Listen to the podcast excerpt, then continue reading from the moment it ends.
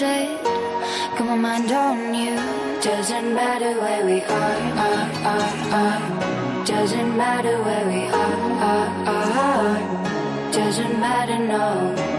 If there's a moment when it's perfect, we'll carve our names as the sun goes down.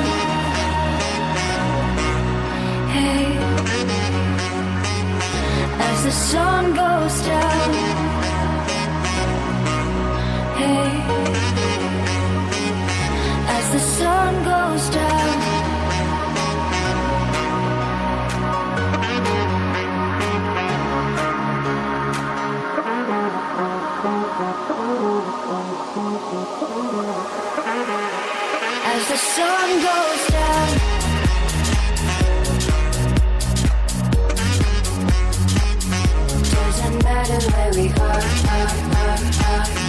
Doesn't matter where we are. Doesn't matter no.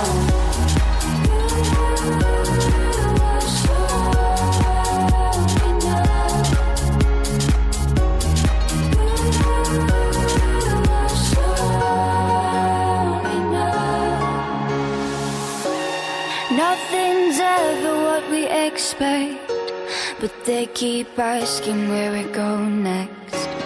All we're chasing is the sunset. Got my mind on you. Doesn't matter where we are, are, are, are. Doesn't matter where we are, are, are. Doesn't matter, no. If there's a moment when it's perfect, we'll carve our names as the sun goes down.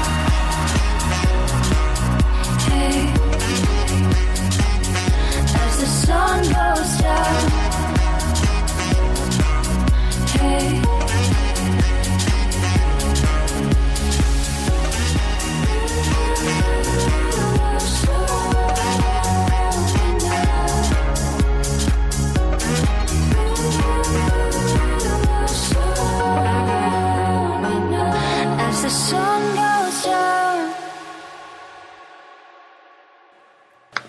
Evet herkese iyi geceler efendim. E, az önce Hamza'nın yani T. Colin'in de dediği gibi muhabbete hoş geldiniz. Bu geceki konumuz Windows 10. Herkesin e, bilgisayarlarına haldır haldır indirdiği geçen haftanın gündem konusu Windows 10. Bu arada torrente de düşmüş. E, onların hepsini konuşacağız. Bugün konuğum Hamza Şamlıoğlu olacak namı diğer T-Kolik. Ee, Ben Kahraman Uğurlu. Bir Tek Gündem programına daha hoş geldiniz. Ee, güzel bir müzikle başladık. Az sonra çalacağım müziği e, Shazam kullanmadan bilmenizi, hatırlamanızı rica edeceğim. Bakalım hatırlayabilecek misiniz? Biraz eski. Ee, bakalım hatırlayabilecek misiniz? Bu akşamki konumuz, bu geceki konumuz Windows 10. Windows 10 ile ilgili e, Hamza'yı e, olabildiğince sıkıştırmaya çalışacağız. Bakalım aklımıza gelen soruları soracağız. Siz de lütfen e, Twitter kullanıcı adlarımız Kahraman Ugurlu veya T-Kolik e, üzerinden bizlere sorularınızı sorabilirsiniz. Tabii ki ben cevaplamayacağım. E, Hamza cevaplayacak. Onun için gayet rahatım. Şimdi çalacağım müzikle bir ara vereceğim. O aradan sonra Hamza ile beraber olacağız. Bakalım bu müziği hatırlayabilecek misiniz?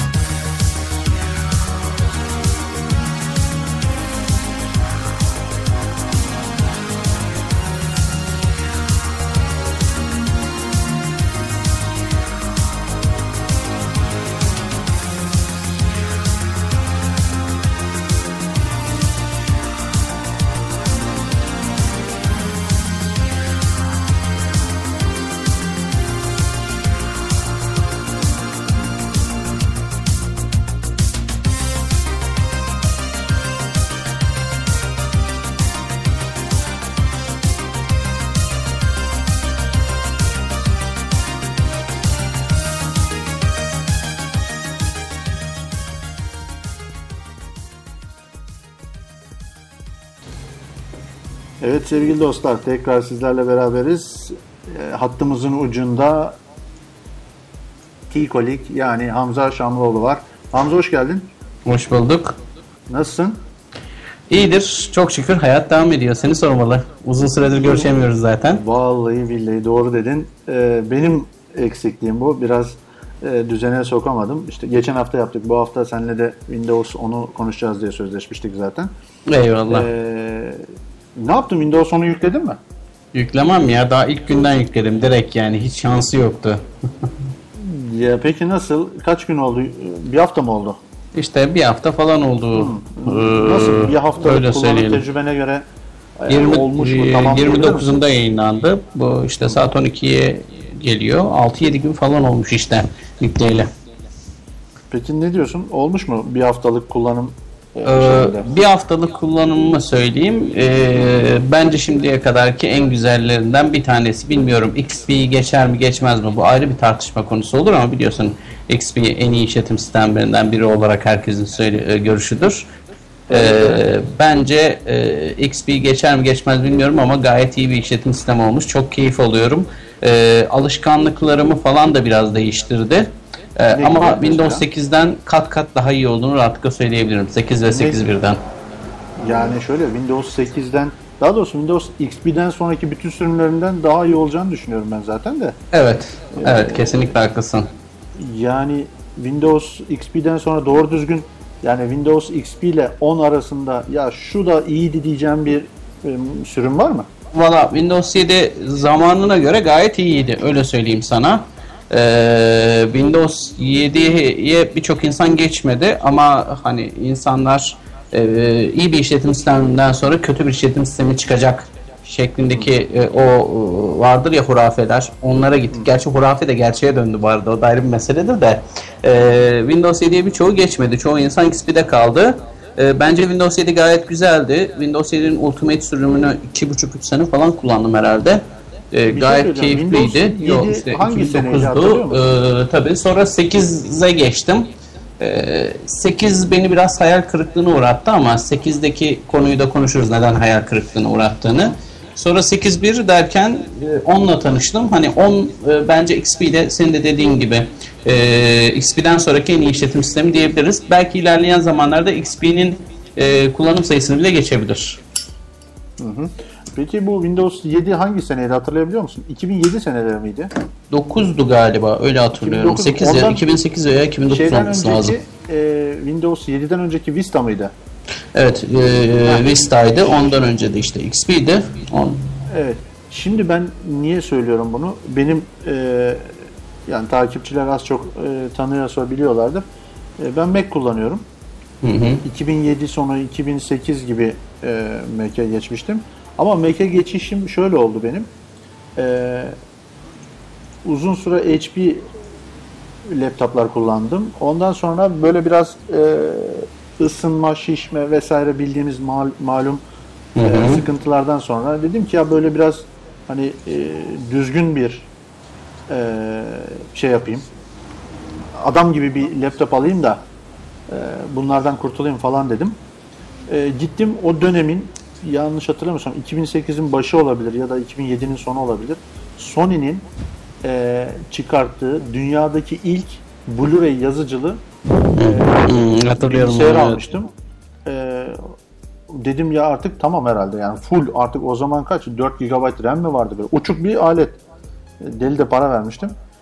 O arada işte tabii o cihaz Windows Vista ile beraber geldi ve Windows Vista'ya kurban oldu o cihaz resmen. Sonra ben onu sattım ve ondan sonra eee, şey yaptım. Nasıl derler? Mac'e geçtim. Ondan sonra da çok bir sıkıntı yaşamadım. E, pardon Vista XP'den önceydi herhalde. Biz yanlışla şey söylemeyelim. Hani Vista ya, bayağı bir can sıktı. Çok ya. insanın e, canını sıktı. Ondan sonra zaten e, insanlar bir illallah ettiler Vista'dan. Belki o arada hani yeni bir işletim sistemine terfi etmemenin en büyük sebeplerinden biri de o da olabilir. Zamanında da hatırlıyorsan Mi işletim sistemi Millennium Edition 98'in e, o da öyle bir hayal kırıklığı uğratmıştı insanlarda. E, şimdi de 8'de gördük bu hayal kırıklığını. bu noktada insanlar evet gerçekten de kararlarını değiştirip kendilerine bir alternatif arıyorlar. Sen güzel bir alternatif buldun. Gayet de güzel gidiyorsun. Valla dostum ben e, açıkçası hani öyle fanboyluk yapmak istemiyorum ama ya ben şimdi tamamen samimi bir şekilde objektif olarak şunu söyleyebilirim. Ben 2008 yılından beri e, bilgisayarım hani hiç çökmedi bile.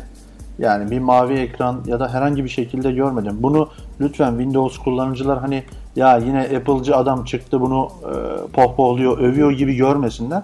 Gerçekten ben 2008 kaç yıl yapıyor? 7 yılda sadece 2 tane e, Mac kullandım. Bir tanesi yani ilk alüminyum kasa MacBook'u kullanıyordum.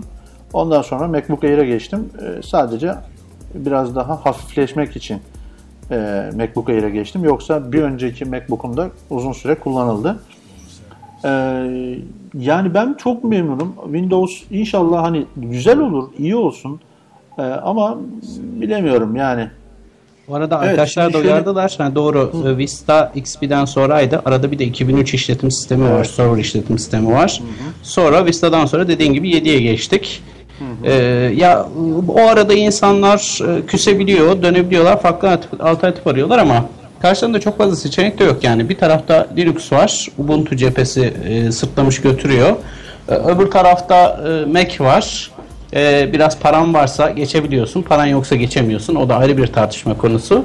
E, diğer tarafta da Microsoft var. Hani çok fazla alternatif yok elimizin altında ama e, yine de e, tercihler, kullanım oranları, insanların ihtiyaçları, ihtiyaçlara göre şekilleniyor. İhtiyaçlara göre bir çözüm arıyoruz. Cep telefonu alırken de aynı şey geçer değil mi? Şimdi adamın ihtiyacı ne? O ihtiyacına göre e, telefon bakıyor. Ondan sonra devreye giren şey para.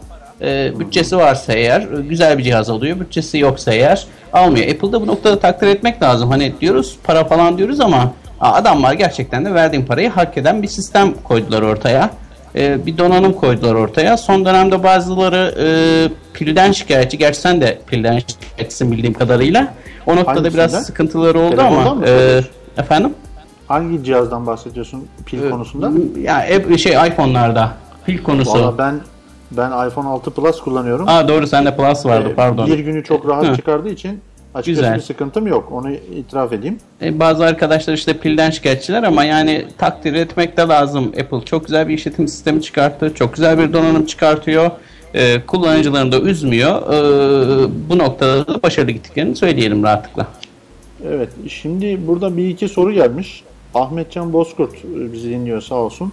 Şu donanım ve sürücü problemlerinin geçmesi için biraz daha zaman yok mu?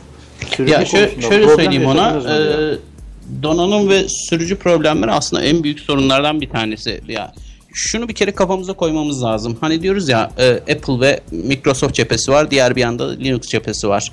Donanım işte bu devrede çok büyük bir etken. Şimdi Microsoft'a bakın 50 bin tane kart üreticisine destek veriyor. Apple'a bakıyorsun kaç tane kart üreticisine destek veriyor? 3, 4, 5 yani kaç yani. tane üreticisi var ki? E, sonuçta bir işletim sistemini yaparken adam bütün driverları göz önünde bulunduruyor. Bütün yazılımları göz önünde bulunduruyor. Bunların testleri yapılıyor. İşletim sistemi çıkmadan önce üreticilerle iletişime geçiliyor. Onlarda testler yaptırılıyor. Ama elinde sonunda bir tane adamın kıytırık bir donanımına da Windows'u kuruyorsun. Ee, işte sağlam bir donanıma da Windows kuruyorsun. Uyumlu bir donanıma da Windows kuruyorsun. Ee, birinde Windows patlayabiliyor doğal olarak. Birinde de patlamayabiliyor. O büyük bir problem. O noktada şunu tavsiye ederim. Ee, Windows 10 daha henüz yeni bir haftalık bir işletim sistemi. Ee, o noktada üreticilerin bir kısmı halen daha hazır değil. Onu görüyoruz. Ee, özellikle de chipset sürücüleri çok büyük bir problem. Ee, bir iki e, arkadaşta yine benzer problemleri gördüm. Chipset sürücülerini yükledikleri zaman e, sorun ortadan kalktı.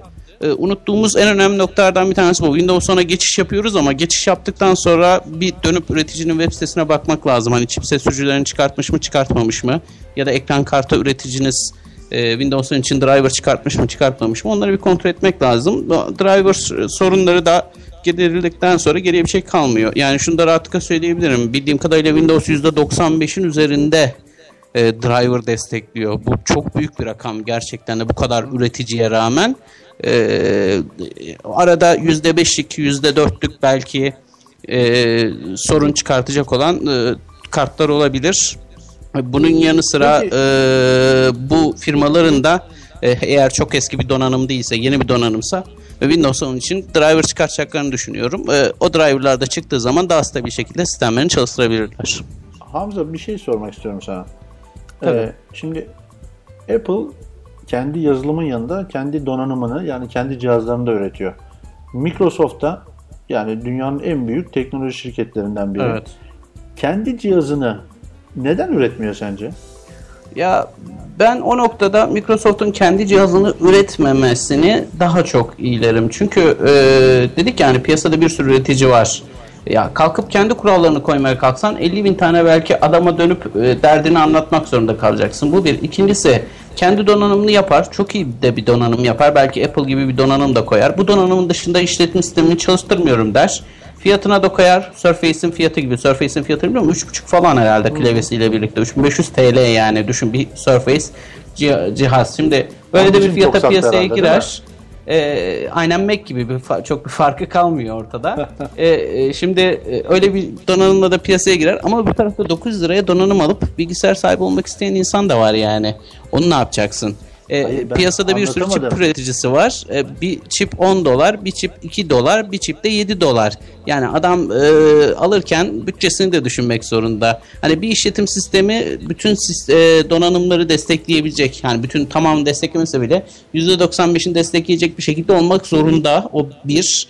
E, diğer taraftan da kendi özel donanımlarını çıkartabilir ama ya adamlar yazılım firması ya. Ben hep şey diyorum. Hani yazılımcıysan yazılımcı ol. Hacı donanıma karışma diyorum. E, ya da donanımcıysan donanımcı ol. Yazılıma karışma diyorum. O da ayrı bir noktada ayrı bir tartışma konusudur. Ama işte yaşanan tecrübeler, yaşanan sıkıntıları biraz böyle çözmesi açısından ben söylemiştim. Yani aslında biraz şöyle bir örnek vereyim. Ee, Google nasıl Android işletim sistemini yalın bir halde sunduğu Nexus cihazlar üretti. Evet. Hani e, bunu da Win- Microsoft Windows 10 ya da neyse işte herhangi bir işletim sistemini yalın ya da böyle hani çökmeyen, çok sağlam bir şekilde e, arkasında durabileceği bir cihaz üretseydi, hani insanlara bir referans olabilecek bir cihaz üretseydi, ondan sonra artık yani yine teknoloji firmaları üretmek istediği kadar cihaz üretebilir yani. Onun O olurdu yok. da bu sefer bugü- bugünkü programda şunu tartışırdık. Microsoft'un Surface cihazı canavar gibi çalışıyor. Dört dörtlük. E, bir tane masaüstü bilgisayarı var. X-Face atalım onlara da. O da canavar gibi dört dörtlük. Bir de laptopu var. Mükemmel ötesi ama fiyatı 5000 lira. Ya kardeşim benim 3000 liram var. Hani e, bu cihazı Ama- almak ama- zorunda mıyım sorusunu da tartışıyor Ama olurduk. Ben de şunu diyorum.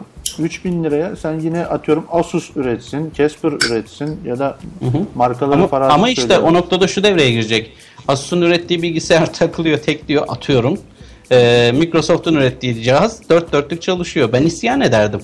Sen etmez miydin yani? Ama ama bu, bak bu durumda kendi kendine bir çelişki çıkıyor. Demek ki diğer markaların ürettiğinde bir sıkıntılar var. Bunu kabul edebiliyor Var tabii canım yani bu, bunu rahatlıkla kabul etmek lazım. Ben kabul ediyorum. Niye kabul ediyorum? Tecrübelerinden kabul ediyorum. Şimdi e, bir tane Wi-Fi kartı chipseti var. Ateros.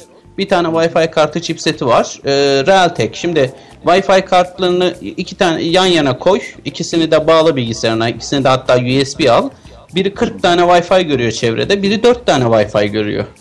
Yani bu ortada olan bir şey. Ama Realtek'i gidiyorsun 3 dolara alıyorsun. Realtek kartı. İşte e, Ateros'u gidiyorsun 14 dolar veriyorsun. Bu arada Res- Resul Caner Yıldırım demiş ki ben de MacBook'cu oldum demiş. İyi en kısa sürede o zaman Resul Şimdi- Caner Yıldırım'ı Windows 10'a terfi ettireceğim. E, gelsin bir çay içelim beraber. Gerisi kolay. Bak bu arada bizi dinleyenlerden Sefa Safa Paksu bize katıldı. Demiş ki T-Coli dinliyoruz. Ee, işletim sistemi güncellemelerini hiç sevmem. Ancak Windows 7'den sonra ilk kez Windows'a güvenip Windows 10'a geçtim demiş.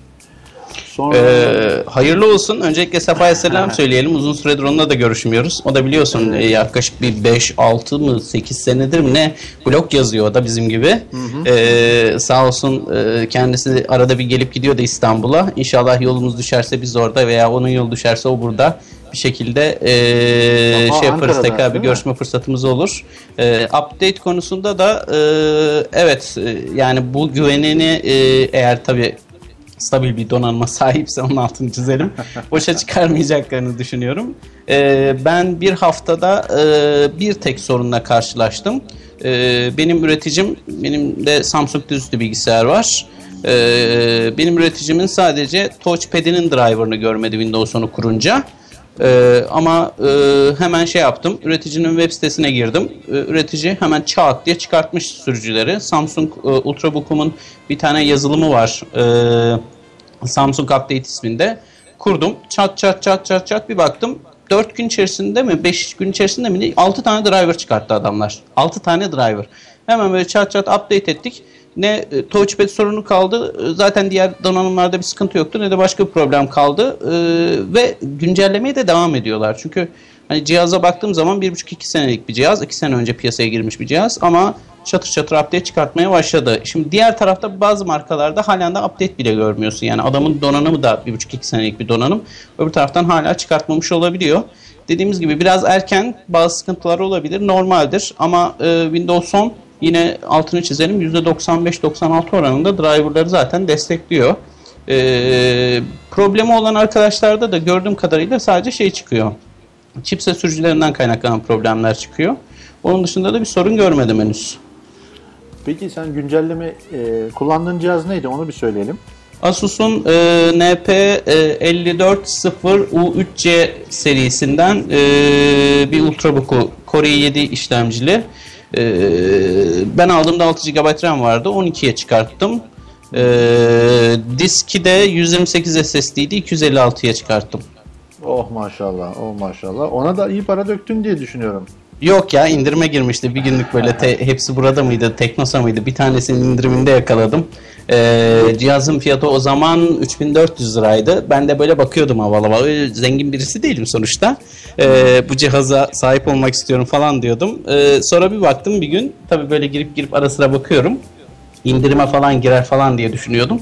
Harbiden de girdi. Tek günlük bir Teknosa'nın da sanırım e, indirime girdiği zaman 1900 liraya mı Öyle bir fiyata falan inmişti. Bayağı bir indirim yapmışlardı. Sanırım ellerindeki stokları eritiyorlardı. O öyle bir fiyata aldım öyle söyleyeyim. Senin bilgisayarla da ben e, buluştuğumuzda falan bakıyorum. O kibar yani oldukça güzel bir şey. Şey 13 inçlik bir alet. Hı hı. Hafif. E, 6 saatte bir pil ömrü var. Şu sıralar 4 saate düştü onu söyleyeyim. E, sonuçta 1,5-2 yıl sonra biliyorsun lityum iyon pillerde sıkıntı büyük. E, pil ömürleri azalıyor. O da kullanım kaynaklı. Kullanımdan kaynaklı sorunlar. Yani 4-5 saat rahat idare ediyor beni. E, gayet de güzel bir cihaz. E, işte bir son zamanda klavyenin tuşlarını kırdım. O da nasıl becerdim bilmiyorum. Ve Windows tuşu ortadan ikiye ayrıldı. Bilen arkadaşlar, takip eden arkadaşlar görmüştür. E, bir klavyesini değiştireceğim. Onun dışında bir sıkıntısı yok. Peki. Şimdi Mücahit Duru biz dinleyenlerden demiş ki uzun süreli uyku modunda kaldığı zaman açmaya çalışırken başlatma sorunu oluyor e, Windows 7 sonrası sürümlerde var bu. Neden geri dönüşler dikkate alınmıyor? Ya da benim bilgisayarımda mı böyle bir problem var acaba? Yok geri dönüşleri gördüğüm kadarıyla dikkate alıyorlar. Bir de Windows 10'da yeni bir tane özellik karşımıza çıktı. Insider programı denilen bir program var. E, update'lere herkesten önce ulaşıyorsun. E, güncellemeleri, geliştirmelere de herkesten önce ulaşıyorsun ama hani sonuçta garanti vermiyorlar. E, son kullanıcı için tavsiye etmediğimiz bir durum. Çünkü yanlış bir şey çıkar sistemin çökebilir. O ayrı bir nokta. Onun altını çizerim. Veya sisteminde arızalar meydana gelebilir. Çöker demeyelim de sisteminde bazı arızalar meydana gelebilir. Ee, o insider sürümü gayet güzel. Ee, çatır çatır böyle yenilikleri gösteriyor. Karşımıza çıkartıyor. Hı hı. Safa demiş ki ne 8 yılı kardeşim ben 9 yıldır blog yazıyorum. Düzgün Vay kusura bakma Safa doğru haklısın 9 sene olmuştu hatırladım. Şimdi Ahmetcan Bozkurt demiş ki Windows 10'dan sonra yeni bir işletim sistemi çıkacak mı yoksa paket olarak hani Service Pack 1, 2, 3 gibi devam eder mi? Evet. E, şey ben de öyle okudum yani Microsoft artık e, Windows 11'i çıkartmayacak. E, Pack 1, Pack 2, Pack 3 gibi bir update çıkartmayı düşünüyorlar ama şu an ismi ne olacak bilmiyorum. Belki Windows 10 e, işte Pack 1 olur. Belki Windows 10 Update 1 olur. O, o tarz isimlerle gelecekler. Hı hı.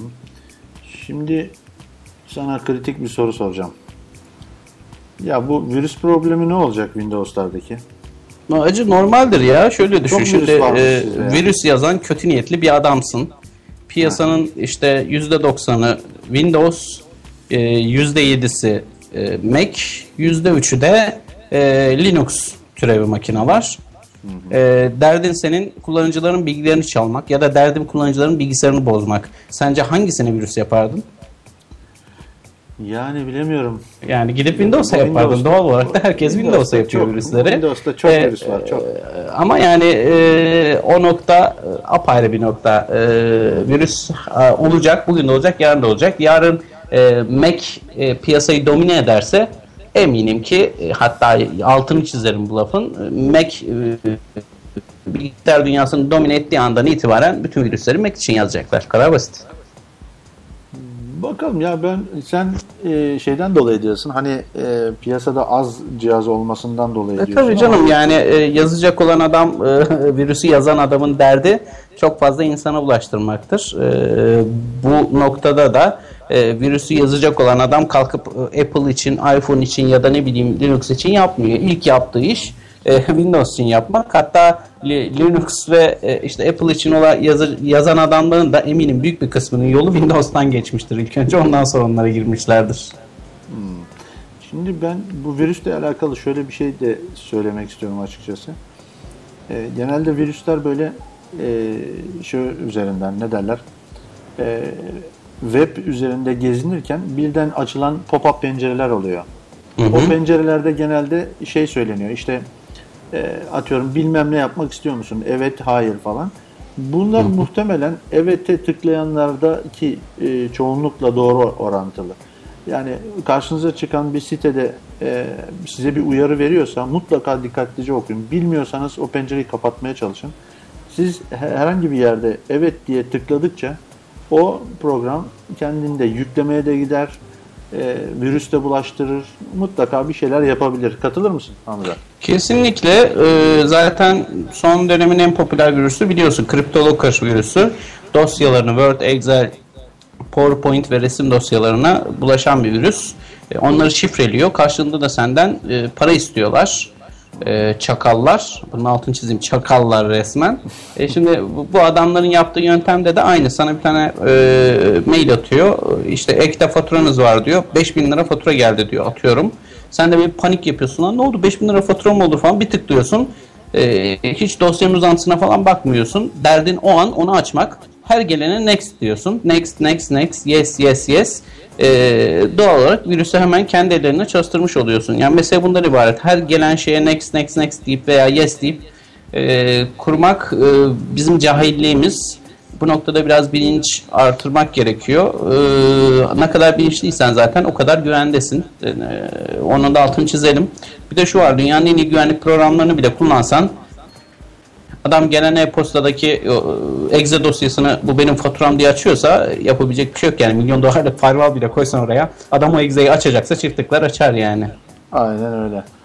Ee, Hamza bir şey soracağım. Şimdi bu teknoloji firmaları Microsoft, Google, Apple bunlar sence bizi izliyor mu? İzlemezler mahalasını yapıyorlar. Değil mi?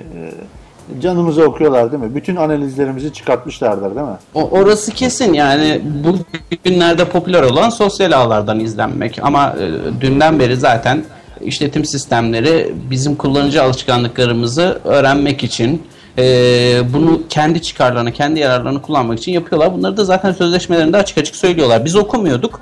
Dün işte adamın bir tanesi okudu. İnternete bir tweet attı. Dedi ki işte ya Microsoft bizi izliyor falan. Ya zaten Microsoft senden bu bilgiyi alarak bu sistemi geliştiriyor.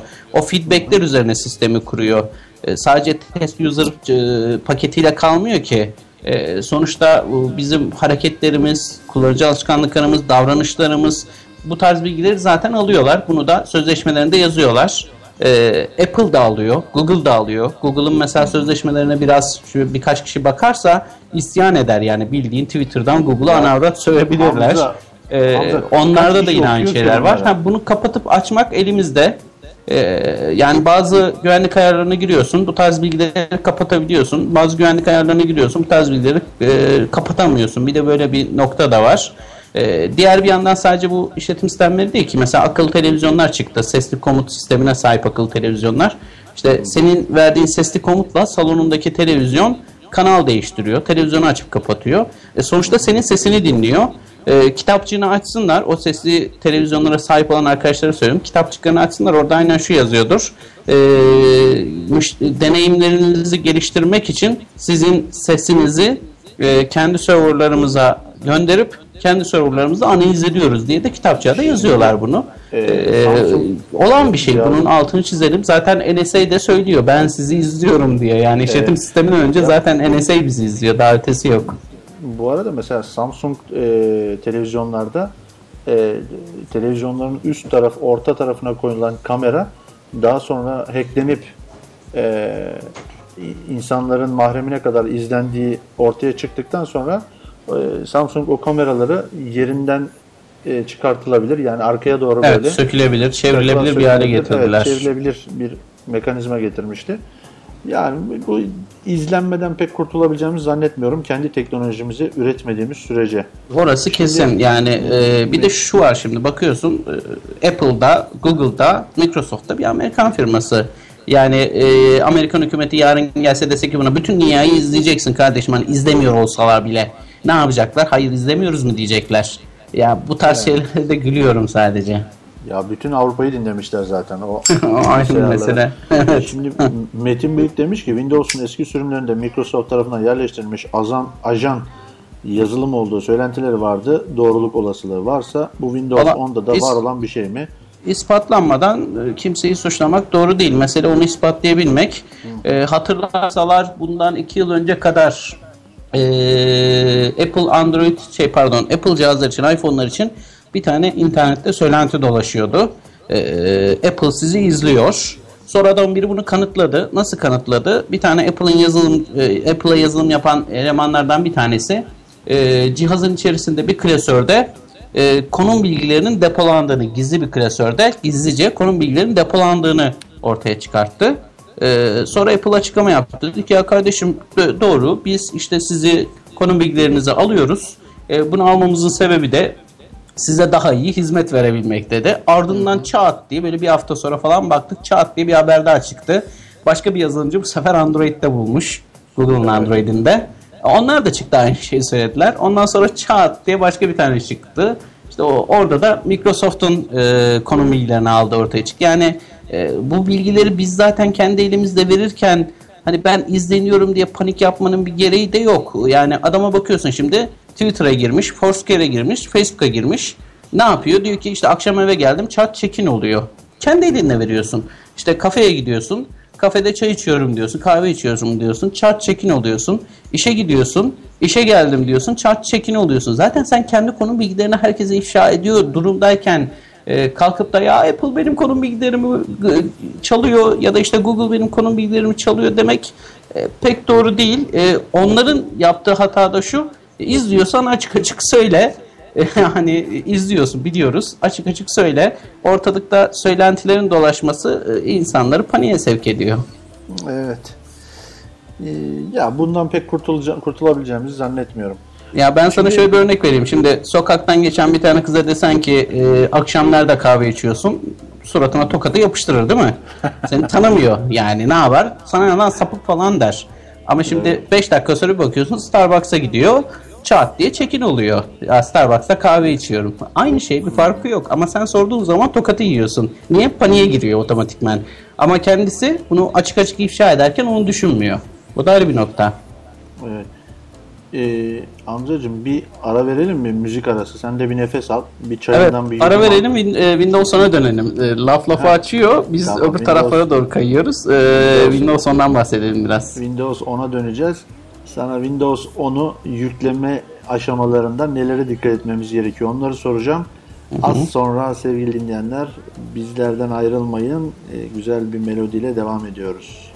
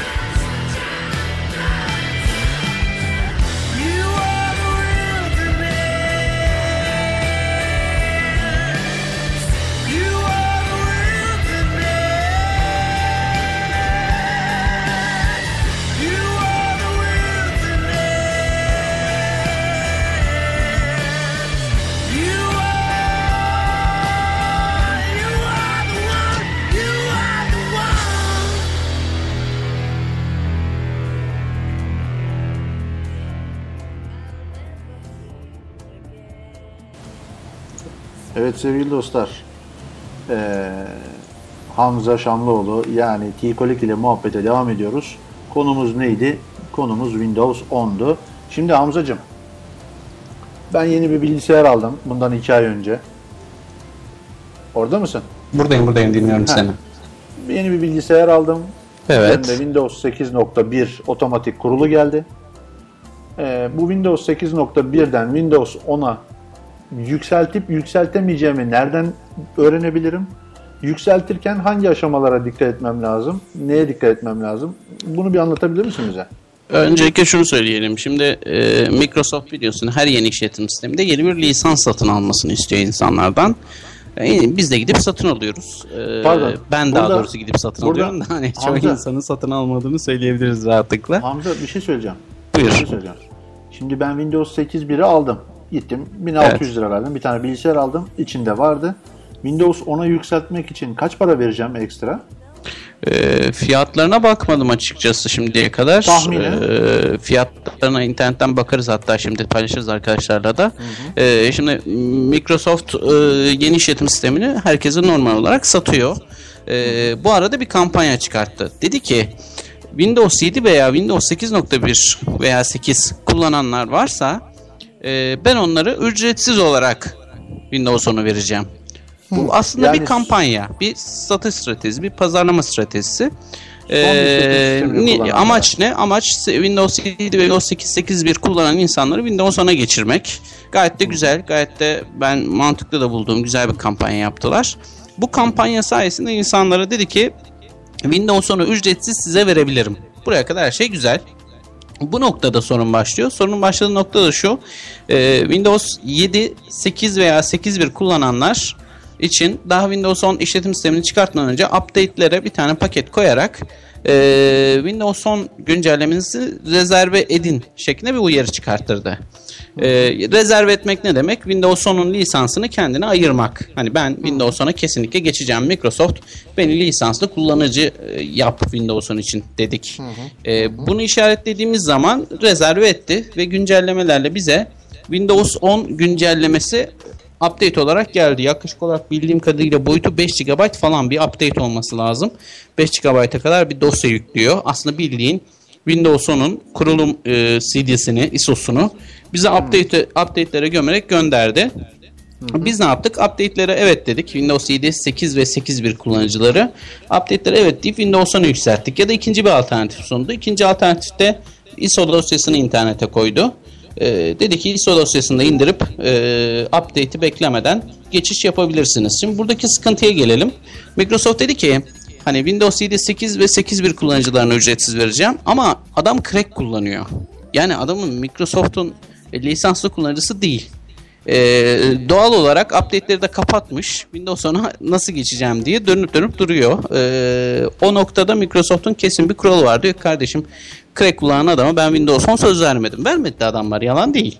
Evet. Ee, bildiğim kadarıyla Çin'deki kullanıcılara verdiler. Sanırım o da Çin'deki pazar stratejilerinden e, birisidir.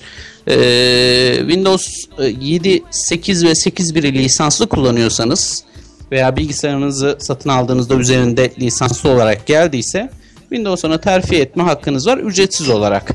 Bunun dışında e, maalesef ki ücret ödemek zorundalar. Ee, onu da nasıl yapıyor? Windows 10'un lisanslama modelini nasıl yapıyor onu söyleyelim. Ee, Microsoft'un koyduğu şart 7.8 veya 8.1'den update. Şimdi adam ISO dosyasını indiriyor. Ee, USB bootable yapıyor ya da CD bootable bir CD yapıyor. Takıyor bilgisayara, format atıp sistemi sıfırdan yüklemek istiyor. Bu yanlış bir hareket. Neden yanlış bir hareket? Ee, Microsoft diyor ki update yaparsan 7.8.8.1'den geçersen ben sana lisans ücretsiz veriyorum. Sen şimdi CD'ye indirip e, ISO dosyasını e, paket olarak sıfırdan bir kurulum yapmaya kalkarsan bütün her şeyi, bütün Yeni bilgileri içerideki bütün onu. bilgisayardaki veriyi silip kurmaya kalkarsan otomatikman sana serial soruyor.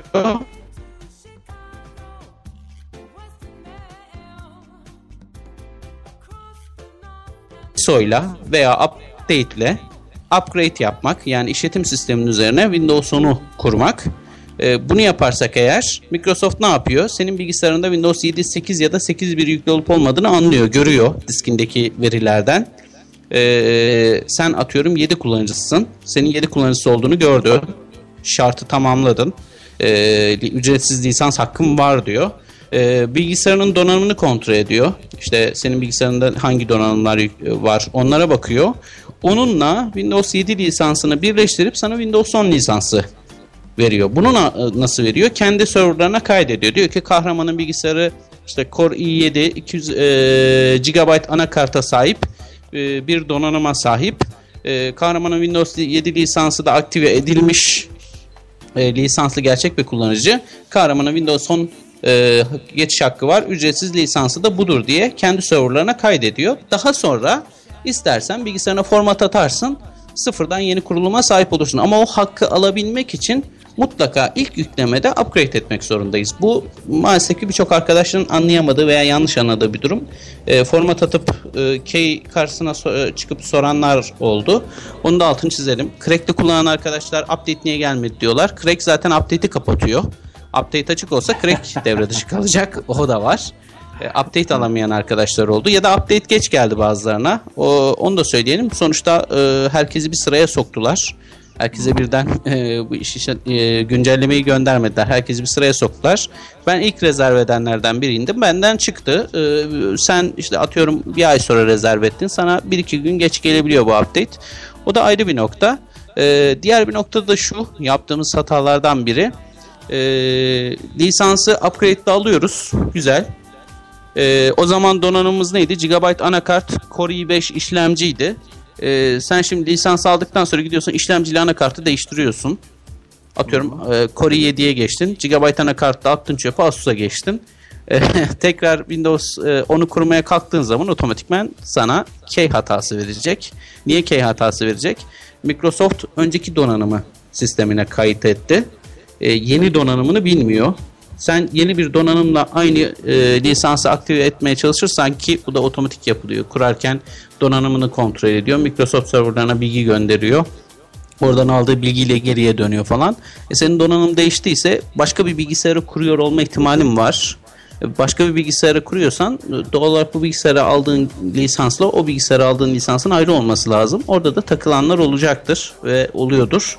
E, hatta diskini değiştirip key soran arkadaşlar olduğunu da gördüm. Twitter'dan bazı arkadaşlar da yazmıştı. Bu da ayrı bir nokta. E, bir kere bir geçiş yaptıktan sonra, o key'i aldıktan sonra yine aynı donanıma e, rahatlıkla kurabiliriz. Kuramıyorsak bile Microsoft'un ücretsiz e, aktivasyon hattı var. 444'lü bir numarası var. Bir de 0800'lü bir numarası var. Arıyorsun Microsoft'u. Diyorsun ki ya ben kurdum ama lisansım çalışmıyor. Ben orijinal lisanslı kullanıcıyım. Bu hakkı da elde etmiştim. Microsoft orada hemen senin bilgisayarına bağlanıp Microsoft teknik destekteki arkadaşlar e, hemen e, inceliyorlar. E, aktive edebiliyorlar. Ya da e, direkt key'ini pasif durumu düşmüş olan key'ini tekrar aktif edebiliyorlar. Onu da altını çizelim. Crack kullanan arkadaşlar bunu yapmasınlar değil mi?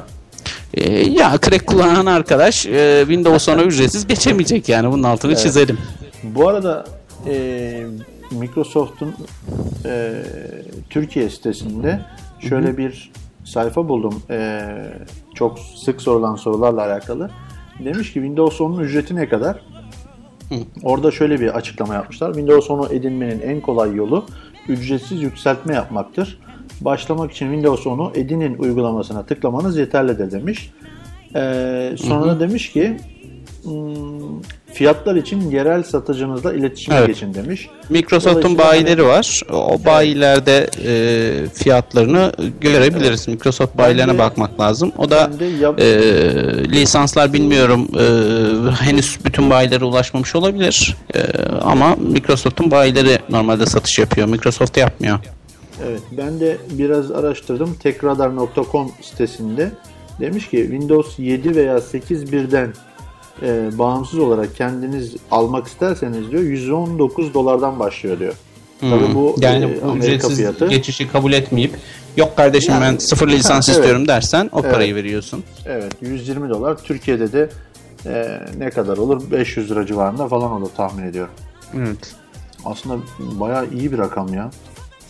Yani, büyük, Yani- büyük bir rakam. Yani lisans Şey- için büyük bir rakam. yeni bir bilgisayar alıp onu update etmek daha mantıklı gibi. Evet, kesinlikle. Yani sevgili dinleyenler yeni bilgisayar alıyorsunuz sonra update ediyorsunuz. Ahmet Can Bozkurt demiş ki Windows 10 update için e, P2P kullanıyor gibi bir yazı okumuştum. Bu konuya da değinecek misiniz demiş. Var mı öyle bir şey? Değinelim. Yani e, peer-to-peer dediğimiz e, sen de bilirsin bu MP3 dağıtan yazılımlar vardır veya işte film falan dağıtan yazılımlar vardır. Pi- piyasada popülerdir. E, bu tarz yazılımların çalışma mantığıyla çalışıyor Windows 10. Aslında bir e, özelliği bu. Tamamı bu değil. Onun altını çizelim. E, onunla ilgili bir yazım da vardı benim. E, mesela şundan ibaret. E, Microsoft update'leri alırken normal şartlar altında daha doğrusu Windows 10'a kadar ne yapıyordu? E, senin bilgisayarında belirli bir saatte Microsoft'un serverlarına bağlanıyordu bilgisayarın, işletim sistemin. E, update var mı yok mu diye kontrol ediyordu. Update varsa paketi internet bağlantı hızına göre yavaş yavaş indiriyordu bilgisayarına. Ee, Şimdi güzel bir çözüm getirmişler. Ee, Farklı bir bakış açısıyla gelmişler. Yine bu sistem devam ediyor. Bunun altını çizelim. Bunu kapatmadılar. Bu iptal olmadı. Ee, Bunun yanı sıra peer-to-peer dediğimiz bir sistemi aktif ettiler. Yani aynen internet üzerinde müzik paylaşmak gibi, video paylaşmak gibi bir sistem. İşte senin bilgisayarında bir tane video var e, video paylaşım programını kurdun. İnternetten binlerce insan senin bilgisayarına bağlanıp işte o videoyu çekebiliyordu değil mi? Ya da o müziği, o filmi çekebiliyordu. E, burada da mantık aynı şekilde işliyor. E, eğer ki bilgisayarın yerel bir network'te çalışıyorsa, mesela bir iş bilgisayarı olabilir, içeride 500 tane bilgisayar olabilir. Bir tanesi, iki tanesi Windows Update'i aldıysa veya birkaç tanesi Windows Update'i aldıysa diğerleri aynı network'teki diğer bilgisayarlara bağlanıp o update almış olan bilgisayarlardan da Windows Update'i çekiyorlar. Yani Microsoft'un serverlarına direkt gidip oradan paketi çekmiyor da senin benim gibi e, şirket kullanıcılarının bilgisayarlarındaki mevcut alınmış paketi e, çekmeye başlıyorlar. Tabi paketin tamamını da çekmiyor. Bunun altını çizelim. Paketin bir kısmını çekiyor. E, Bir bilgisayardan 100 KB çekiyor, bir bilgisayardan 1 KB çekiyor, bir bilgisayardan 400 KB çekiyor gibi düşünebiliriz. E, paketin bir kısmını oradan alıyor, bir kısmını internetten alıyor. Bu e, bir avantaj, e, Microsoft gözünde bir avantaj. Nasıl bir avantaj? Aynı anda şimdi bir update paketi çıkarttı. 1 milyon insan birden veya 5 milyon ya da 1 milyar insan birden Microsoft'un serverlarına bağlanıp o update'i çekmeye çalışıyordu. E, Ne oluyor? Bu da doğal olarak Microsoft'ta artı bir internet maliyeti, bound maliyetleri, artı bir donanım maliyeti, artı bir işte e, server maliyeti gibi birçok maliyet yaratıyordu. E, şimdi Microsoft e, bu yöntemi de içeriye aktif ederek kullanıcıların kendi aralarında halihazırda pakete güncelleme paketini almış olan kullanıcıların kendi aralarında dosyayı paylaşmalarını da sağlıyor. Bu sayede ne oluyor? Herkes Microsoft'un serverlarına yüklenmiyor veya oradaki yükün atıyorum tamam tam bilmiyorum da işte %5'i %10'u kullanıcılar tarafından e, yapılıyor. E, Microsoft'un serverları işte %100 çalışmıyor da %90 çalışıyor. Bu noktada Microsoft güzel bir fikir geliştirmiş. Kendini tebrik, et- tebrik etmek lazım. E, diğer bir yandan da senin bilgisayarın internetteki diğer kullanıcılara veri gönderiyor. Neyi verisi gönderiyor? Senin aldığın paketi upload ediyor. Ee, hani çok büyük bir upload değil bu. Atıyorum işte saniyede 1 megabayt göndermiyor. Onun altını çizelim. Ya da internet bağlantını aşırı şekilde e, yavaşlatacak bir e, şekilde başka bilgisayarlara veri göndermiyordur. E, Microsoft böyle açıklıyor, böyle söylüyor ama hani şeyde pratikte düşündüğümüz zaman teorikte evet hani çok büyük bir veri kaybı yaşamazsın ama e, pratikte düşündüğümüz zaman Türkiye'nin altyapısını düşündüğümüz zaman internet altyapısını düşündüğümüz zaman işte 8 megabit 2 megabit alabilen bir ADSL kullanıcısını düşündüğümüz zaman e, belki bir ihtimal hani e, biraz kasabilir, biraz yavaşlayabilir. Hele ay sonu geldiyse ve e, şeyi bittiyse, adil kullanım kotasına takıldıysa zaten adamın internet e, bağlantı hızı 2 megabit, 1, 1 megabit, 3 megabit'e falan düşmüştür. Upload'u da 0.02'lere falan düşmüştür. O adam belki biraz sıkıntı yaşayabilir.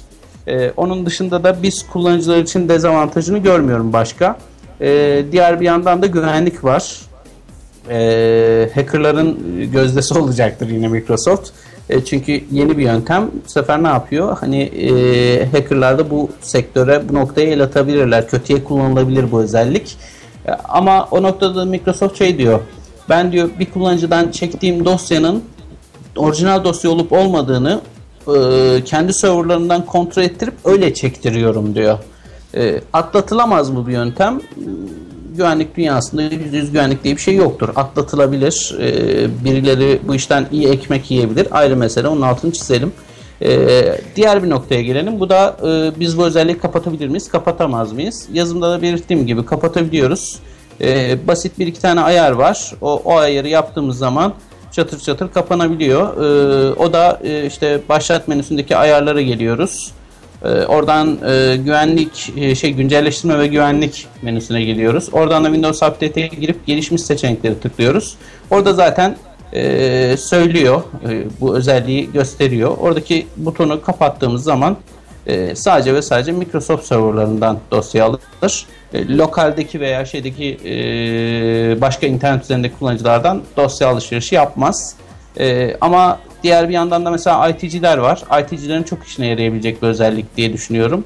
E, düşünsene bir IT'cisin. 500 tane bilgisayar var yerel network'ünde. Hepsini birden aynı gün önemli bir güvenlik güncelleştirmesi çıktı. Update etmen lazım. İnternet bağlantını süründür, re- süründürürsün resmen bildiğin. Bütün bilgisayarlar aynı anda aktif olup işte aynı anda update paketini çekmeye çalışırsa bildiğin sürünür internet bağlantın. E, e, ne yapıyorsun? E, bu özelliği aktif ederse ve sadece yerel kullanıcılar derse yani internetteki değil de sadece yereldeki kendi e, network'ündeki bilgisayarlardan update paylaşmasını sağlarsın. E, senin de bir anda karın olur. Nasıl olur? İnternet bağlantını sömürmezsin. Birkaç bilgisayar update paketini alması yeterli olur. Diğerleri de onların içerisinden paylaşım yaparak kendilerini güncellemiş olurlar. Peki Hamza, şey soracağım. Windows 8.1 kullanan bir kişiyle yani şu an genelde piyasada satılan bilgisayarların %90'ı Windows 8.1'de değil mi? Sıfır satılanlar. E, sıfır satılanlar evet 8.1 Ha, işte şimdi- bir buçuk senedir falan herhalde. Bir buçuk iki senedir mi ne 8.1 satılıyor. 8 satılmıyor. Evet. Şimdi Windows 8 kullanan bir kişi e, Windows 10 ile arasında ne gibi bir farklar var? Yani Windows 10 yüklediğinde ne bekliyor onu? Ya şöyle söyleyeyim. E, Windows ne var 8 mesela? O- Ondan önce şuna girelim. Hani Windows 8'deki mantığa bir değinmek istiyorum. Ee, Windows 8'in aslında en büyük hatası şuydu. En büyük hayal kırıklığı şuydu. Ee, Windows 8 tamamen dokunmatik cihazlar üzerine geliştirilmiş bir işletim sistemiydi. Dikkat ettim başlat menüsüne basıyordun çat diye tam ekranda böyle koca koca kutular karşına çıkıyordu. İşte e, ayarlar falan bunların hepsi hep sağ taraftan böyle bir e, sürüklüyordun. Çat diye sağda bir menü çıkıyordu. Soldan bir şey sürüklüyordun. Soldan bir şey çıkıyordu. İşte bir uygulamayı üstten tutup aşağıya doğru çektiğinde otomatik kapatabiliyordun. Yani Windows 8'i e, geliştirirken ve 8.1'i geliştirirken aslında adamlar e, dokunmatik ekran cihazları göz önünde bulundurarak geliştirmişler. Ben kendi izlenimlerim bu Microsoft'tan böyle bir açıklama falan okumadım da o ayrı bir meseledir. E, doğal olarak piyasaya baktık. Şimdi 8'i kurduk. E, fare kullanıyorsun. Şimdi fareyle üstten aşağıya bir şeyi çekemiyorsun. İşte sol ekrandan bir şeyi çekemiyorsun. Sağdan böyle bir e, çekme hareketini o hareketleri yapamadık. O özelliklerin hiçbirini kullanamadık. Çünkü fare kullanıyoruz. Piyasaya baktığın zaman piyasanın %90'ı dokunmatik ekran kullanmıyor ki. Kaç tane adamda Aynen, dokunmatik aynen. ekran var? Yani ben bile dokunmatik ekran bilgisayarı bir buçuk e, sene önce sahip oldum. Bir buçuk sene öncesine e, kadar dokunmatik ekran kullanmıyordum. E şimdi e, dokunmatik ekranla Windows 8'in keyfi çok tatlıydı. Gerçekten de çok güzeldi. Ama dokunmatik ekrana sahip olmayan insanlar, fare kullanan insanlar çok büyük sorun yaşadılar. Hem alışma sorunu yaşadılar. Çünkü süre gelen bir başlat menüsü kavramı vardı. O tamamen ortadan kalktı. Alışkanlıklar değişti. Bir. ikinci noktada da dokunmatik ekran eee uyumuyla geldi. E, uyumu da de- demeyelim dokunmatik ekrana göre geliştirilmiş bir sistemdi. Ben mesela dokunmatik ekranda Windows 8 ve 8.1'i çok güzel kullandım. Üstten aşağıya parmağımla çekiyordum. Çat uygulama kapanıyordu. Sağdan çekiyordum bir şey yapıyordum. Soldan çekiyordum bir şey yapıyordum. Bir klavye bir de dokunmatik ekran vardı ama herkeste bu yoktu. Dokunmatik ekran olmayınca da insanlar illallah ettiler. Çünkü gerçekten çok zor o hareketleri fareyle yapmak. Hatta bazı hareketleri yapamıyorsun. E, bu büyük bir tepki çekti. Şimdi 8.1'den sonra ona geçtiğimiz zaman hani o biraz daha böyle ortadan kalkmış. Onda mesela şey tablet modu diye bir mod koymuşlar. Eğer dokunmatik ekran cihaz kullanıyorsan ve dokunarak başlata basıyorsan E, tablet modu otomatik olarak devreye girebiliyor. Tabi bunu manuele de çevirebiliyorsun. E, başlat menüsü tam ekran açıyor. Küçük başlat açmıyor. Normal Windows 8'deki gibi bir tam ekran başlat menüsü açıyor. E, hani dokunmatik ekranı algılıyor. Hemen anında başlat menüsünü sana tam ekran çeviriyor. Çünkü dokunmaya uyumlu ol, hale getirmesi gerekiyor. Orada kullanım alışkanlıkları önemli. E, fareyle tıklarsan tam ekran açmıyor mesela. Niye? E, tablet modunu aktif etmiyor. Dokunmatik ekran değildir diyor. E, fare kullanımına uygun bir menü geliştirdi. Fare kullanımına uygun bir e, ayarlar geliştirdi. Fare kullanımıyla dokunmatik ekranı yani her ikisine birden uyumlu bir sistem karşımıza geldi. Bu noktada Microsoft'un e, evet işte budur e, dediğim e, Windows 10'a geçin de, dememin en büyük sebeplerinden bir tanesi buydu. Özellikle de 8 ve 8.1 kullanıcılarına e, o negatif olan e, o dokunmatik ekran e, dezavantajını ortadan kaldıran bir etken. Bunun altını çizelim. İkincisi e, biraz daha kolaylaştırılmış. Mesela başlatta bir tane ayarlar diye bir menü gelmiş. Aslında denetim masasındaki ayarların biraz daha basitleştirilmişi, biraz daha böyle e, şey görselleştirilmiş bir hali. E, hem dokunmatik ekran hem de fare kullanımına uygun. Çok rahat, çok keyifli. Birçok ayarı böyle anında ulaşabiliyorsun. Hani bu yeni bir şey ama e, mevcut denetim masasının biraz daha geliştirilmişi. Öyle söyleyeyim. O noktada güzel bir hale geldiğini gördük. Diğer bir noktada kişiselleştirme biraz daha ön plana çıkmış. E, o benim hoşuma gitti. E, diğer bir noktada e, masaüstü kullanımı daha rahat hale gelmiş. Mesela artık Apple'ın o meşhur farklı masaüstleri arasında geçiş yapma ya da Linux'un meşhur farklı masaüstü kullanımını Windows 10'a da getirmişler. E, Aynı anda birkaç masaüstü kullanabiliyorsun. O da keyifli bir özellik Geçiş olmuş. nasıl orada? Efendim? Geçiş nasıl iki masaüstü arasında? Geçiş basit. Aşağıda Yani bir ikon dört- var. Ee, şeyin orada yine başlatın orada. Ona basarak e, diğer masaüstlerine geçiş yapabiliyorsun. E, ya da bir programı farklı bir masaüstüne atıp oradan da kullanabiliyorsun. Rahat, dokunmatik olarak daha rahat. Onu söyleyeyim sana. Ben mesela MacBook'larda şey var. Dört parmağınla mousepad'i sağa sola sürüklediğin zaman masaüstüler arasında geçiş yapabiliyorsun yani. Bayağı geliyor. O şey Windows'ta da e, touchpad kullananlar için söyleyelim. Bir kısa yol tuşu eklenir. E, touchpad Ha, yazılımından. Yine aynı şekilde yapılır. E, ve Windows'un da kısa yol tuşları var. E, onlar da kullanılabiliyor. Gerçi bizim kısa yol tuşlarıyla pek alakamız olmaz Windows kullanıcılarının biliyorsun ama hani benim gibi ileri düzey teknik adamlar genelde kullanırlar onları. E, mesela Windows R e, otomatikmen e, çalıştır menüsünü açar ama çoğu insanın bundan haberi yoktur. Bu tarz kısa yolları var. E, kullanırsak biraz daha güzel olur diyebilirim. Peki Hamza Windows 8 ile mesela sen bir önceki Windows 8.1 kullanıyordun değil mi? 8.1 kullanıyordum. Ondan önce de Tamam. 8 vardı evet. Şimdi en e, basit haliyle 8.1 ile 10'a geçince ya iyi ki 10'a geçtim çünkü artık onda şu var diyeceğin en önemli özellik ne söyleyebilirsin? İşte birinci özelliği söyledik aslında. Dokunmatik ekranla fare kullanımı bütünleştirilmiş. Hani her ikisiyle de aynı deneyimi alabiliyorsun.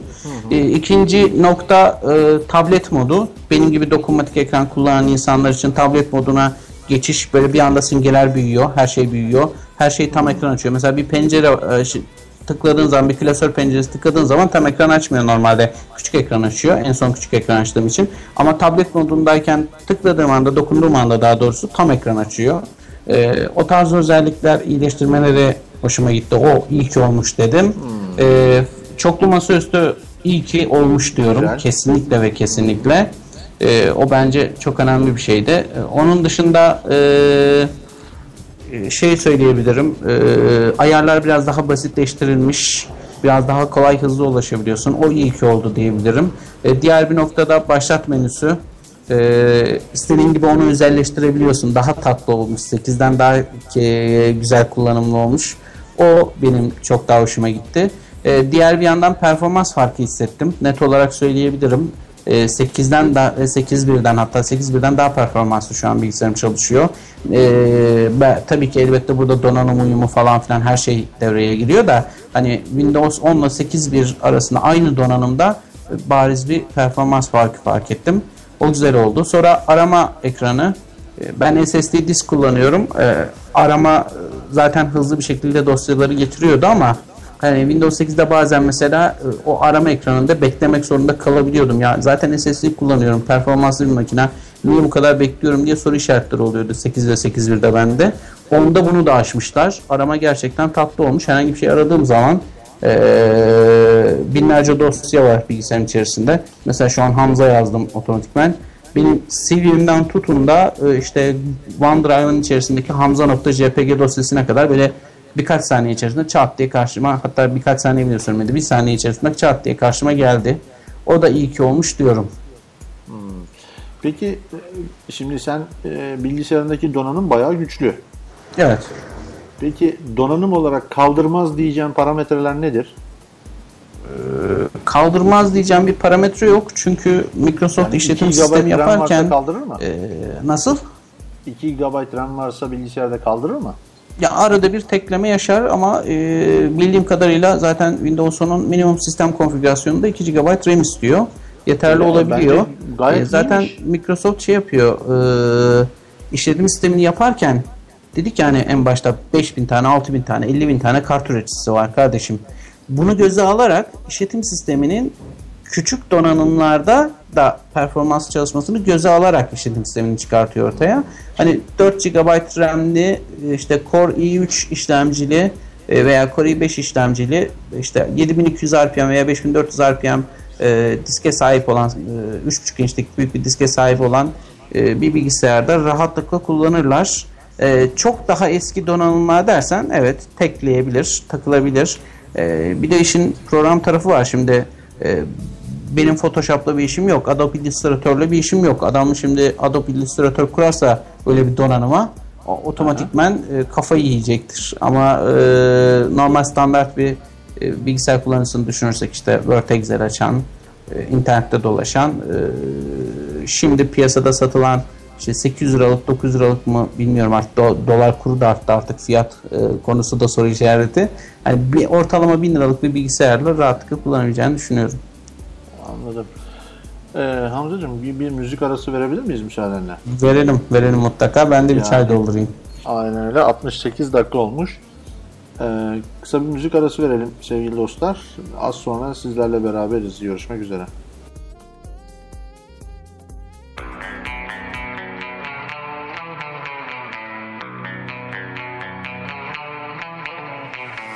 Let's light it up, let's light it up until our hearts catch fire. Then show the world a burning light that never shines so bright.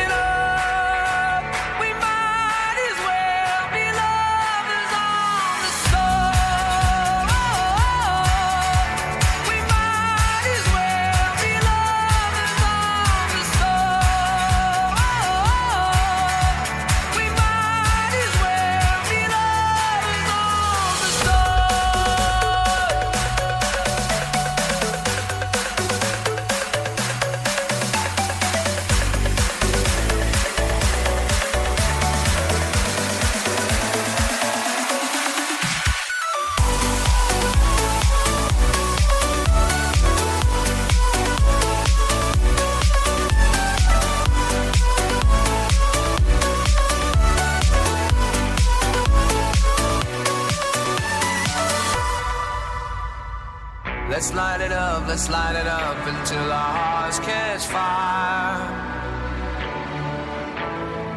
Then show the world a burning light that never shines so bright. Evet sevgili dostlar sizlere gece saat 12.45'te sizlerle yayınımıza katıldığınız için, dinlediğiniz için teşekkür ediyoruz Hamza ile beraber. Ee, konuğum Hamza Şamlıoğlu. Konuğum da demeyeyim artık program ortağım diyeyim sevgili dostum. Sağ olsun hiç beni kırmaz. Ee, Hamza ile Windows 10 e, güncellemesini, Windows 10 işletim sistemini konuşmaya devam ediyoruz.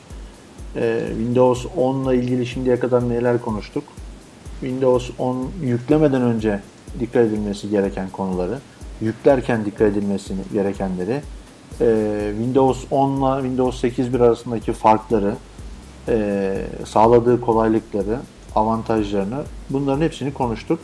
Şimdi ben açıkçası Hamza'ya şöyle bir şey sorarak devam edeyim. E, Hamza mobil cihazlara yani cep telefonlarına Windows 10 ne zaman gelecek? Ee, yakında gelecek. Tarihi net olarak bilmiyorum. Sanırım açıklanmadı daha da. Ee, beta sürümünü isterse e, Windows Phone kullanıcıları geçebiliyorlar. Ben geçtim. Ee, şu anki beta sürümüne geçmeyi de insanlara tavsiye etmiyorum. Çünkü harbi beta yani. Beta'nın da betası öyle söyleyeyim. Ee, telefonda teklemeler, takılmalar, crashler, uygulamalarda e, problemler falan görüyorum. Tabi e, beta'yı çıkartmalarının sebebi feedback almak. E, aslında orada güzel bir şey yapıyor Microsoft. E, beta ile bütün e, beta kullanıcılarından belirli feedbackler alıyor. Hataları, sorunları görüyorlar. Buna göre işletim sistemini geliştiriyorlar. Bu arada bu özellik Windows 10'da da var. E, Windows 10 Insider programına ka- kayıt olursak insanlar e, yine beta özellikleri ya da beta paketleri alabiliyorlar.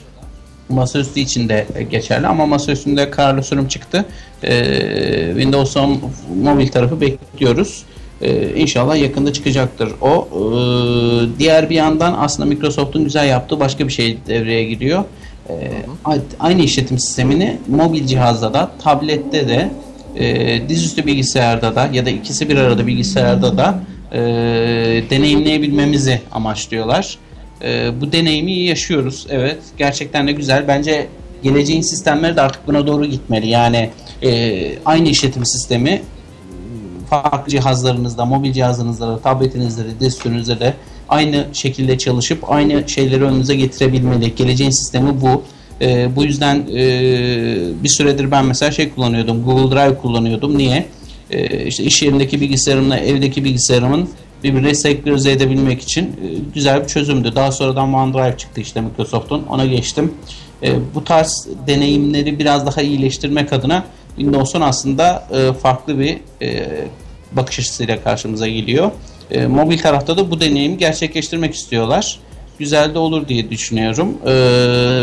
Diğer bir yandan mobil tarafa tekrar dönersek şimdilik biraz beklesinler derim. E, ya da geçeceklerse Windows Phone'un e, mobil sürümüne e, iki türlü seçenek var. Biri güncellemeleri hızlı al, biri de yavaş al. Hızlı al, betanın betasını alıyorsun. Yavaş al da hani kararlı sürme biraz daha yakın olan paketleri alıyorsun. Onu seçerek yavaş güncellemelerle e, biraz daha e, stabil çalışmaya çalışırlar diye düşünüyorum. Anladım. Bu e, bütün cihazlar alabilir mi sence Windows kullanan? Onu nasıl şey yaparlar? Çünkü Valla- e, laptoplar için bir dakika ben yıktım burayı. Laptoplar için e, dedin ya donanım e, oldukça düşük tutuldu diye. Acaba e, akıllı telefonlar için de böyle bir bir şey düşünürler mi? Valla düşünebilirler. Bir de Microsoft artık biliyorsun yani diğer üreticilerle birlikte geliştiriyor işletim sistemini. Sadece kendi telefonunda geliştirmiyor. Ee, Bir ara Nokia'yı satın almıştı kendi telefonunu geliştirmek için. Ee, Şimdi artık bunu ım, farklı bir noktaya çekiyor. Diğer üreticilerle de anlaşmış durumda. Ee, O deneyimi gerçekleştirmeye çalışıyorlar. Ee, Onu rahatlıkla görebiliyoruz. Güzel. Bakıyorum Diğer bir yandan da mesela Cortana var. Benim en çok kullanmayı istediğim yazılımlardan biri ama daha Türkçeyi desteklemiyor henüz. İnşallah yakın zamanda Cortana da Türkçeyi destekler. Apple'ın Siri'si gibi bizim de Cortana'mız olur biz e, Windows'çuların. Şimdi, şimdi bir şey söyleyeceğim. Tam da onu söyleyecektim. Cortana'yı kullanabiliyor musun? E, dili e, ve lokasyonu Amerika yaparsan kullanabilirsin. E, ama sonuçta İngilizce konuşman lazım. Çünkü Türkçeden anlamıyor henüz Cortana. Yani dil ve lokasyon e, ayarlarını İngilizce yapmak lazım. Amerika yapmak lazım.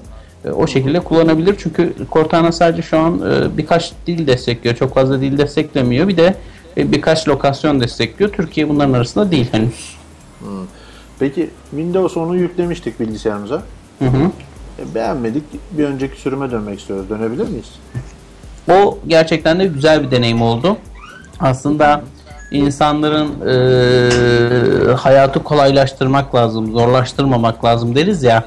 Bu noktada Microsoft gerçekten de kolaylaştırmış. Farklı bir bakış açısıyla karşımıza gelmiş. E, ayarlarda bir iki tıklamayla e, tekrar Windows 7 veya Windows 8'e dönebilme seçeneği sunmuşlar. O gerçekten de güzel bir özellik. E, bizzat ben sanal bir sistemde test ettim. Windows 7'yi upgrade ettim Windows 10'a. E, sonra tekrar Windows 7'ye geri döndüm. Öyle söyleyeyim sana. E, hızlı geçiş oldu. Niye hızlı geçiş oldu? SSD disk var bende ama normal bir diskede çok uzun süreceğini zannetmiyorum. En fazla 15-20 dakika veya 30 dakika sürer. E, veya 40 dakika sürer donanıma göre. E, çat diye Windows 7'ye tekrar geri dönebiliyorsun veya 8'e 8.1'e. O arada e, programlarınızın bazıları hata verebilir, çalışmayabilir, silinebilir. Bunu da altını çizmek lazım. E, eğer Windows 10'a geçti ve memnun kalmadıysanız bir backup alın programlarınızı ya da işte dosyalarınızı. Ondan sonra Windows 7'ye geri dönün derim. Ayarlarda bir iki tıklamayla hemen ulaşabiliyorsunuz. Hatta onunla ilgili bir yazım da var. Ee, o menüden birkaç tıklamayla çat diye Windows 7'ye veya 8'e 8.1'e dönüş yapabilirler rahatlıkla. Keyifli olmuş. Onu da söyleyeyim yani. Zorunlu bırakmamışlar bize. Peki Hamza ben şimdi Windows 10'a yükseltme yaptım. Hı hı. Ee, daha önce kullandığım ve sıkıntı yaşamadığım printer'ım Windows 10 ile çalışacak mı? Yoksa ben ona bir daha bir sürücü bir şey yapma bilmem ne falan filan uğraşacak mıyım? Yani normal şartlar altında Windows 10 dediğim gibi %95 oranında mıydı neydi öyle bir şeyde e, driver destekliyor. Çat diye çalışması lazım. E, çalışmama ihtimali yok mu? Var. Çalışmazsa üreticinin web sitesine gidersin. Üreticinin web sitesinde Windows 10 sürücüsü var mı yok mu ona bakarsın. Ama şu kesindir. Yani 5-6 yıllık donanımlar e, des, e, donanım üreticilerinin Windows 10'a destek çıkartmasının gibi bir şey beklemesinler. Çünkü adam 10 yıl önce donanım çıkartmış. İşte 6 yıl önce donanımı satışını durdurmuş. Yeni versiyon çıkartmış. Yeni bir donanım çıkartmış. Onu al diyor adam sana. E kalkıp o 10 yıl önceki donanıma Windows 10 driver çıkmasını da beklemeyelim. Anladım. Ee, yine bir soru. Bir saniye şurada bir ar- arkadaş Ahmetcan Bozkurt demiş ki e, şu bir dil her platform ne oldu? Windows 10'da geliştirilen bir uygulama telefon, tablet ve PC'de çalışabilecek mi demiş. E tamam işte zaten onun için yapıyorlar. Yani Windows 10 Mobile'da e, Windows 10 e, masaüstü Windows 10'da Windows 10, tablet tarafındaki Windows 10'da Windows 10. Ayrı işletim sistemi değil, tek bir işletim sistemiyle biraz önce konuştuğumuz gibi o deneyimi yaşatmak istiyorlar. E, başarılı olabilirler mi, olamazlar mı o ayrı mesele. Onu oturup konuşuruz. Onu E, ben geleceğinin güzel olacağını düşünüyorum. Şimdi şöyle bir soru var. Windows Media Center Windows 10'da kullanılabilecek mi? Windows Media Center Windows 10'da kullanılabilecek mi? Ee, bildiğim kadarıyla e, Media Center Windows 10'da yer almıyor. Ee, Windows 10'a yükselttikten sonra kullanamayacaklar. Ee, Media Center uygulamasını kullanıyorsalar da yükleme sırasında e, Windows Media Center'ı Windows 10'da kullanılmayacağını zaten Microsoft uyarıyor. Hani sadece Media Center özel bir şey de değil. Ee, eğer bilgisayarınızda yüklü olan bir program var da ve Windows 10'da sıkıntı çıkartacaksa e, daha önceden Microsoft bunu test test ettiyse ki e, birçoğunu tespit etmiş durumda. Size diyor ki bak diyor şu programın çalışmayacak Windows 10'da diyor. E, kurulum sırasında zaten Media Center için uyarı alacaktır. E, o- orada da Media Center'ı kullanamayacaklarını söyle, söylemek lazım. E, DVD oynatmak için de e, yine Media Center gibi uygulamaları kullanıyorduk. O Windows 7'de güzeldi, keyifliydi. Ben Ultimate sürümünü kullanıyordum. Media Center onun içerisinde de vardı. E, bilmiyorum hani ihtiyacı varsa e, insanların e, girip bir tane uygulama kullansınlar derim artık. Media Center'da tarihin tozlu raflarına karışacak gibi de görüyorum. Evet ya. Ee, şimdi bir saniye şuradan bir tane daha soru vardı. Peki bu Windows 10 yüklü cihazlar ne zaman satışa çıkar sence? Yani Windows 10 yüklü cihazlar e, bence geç bile kaldılar.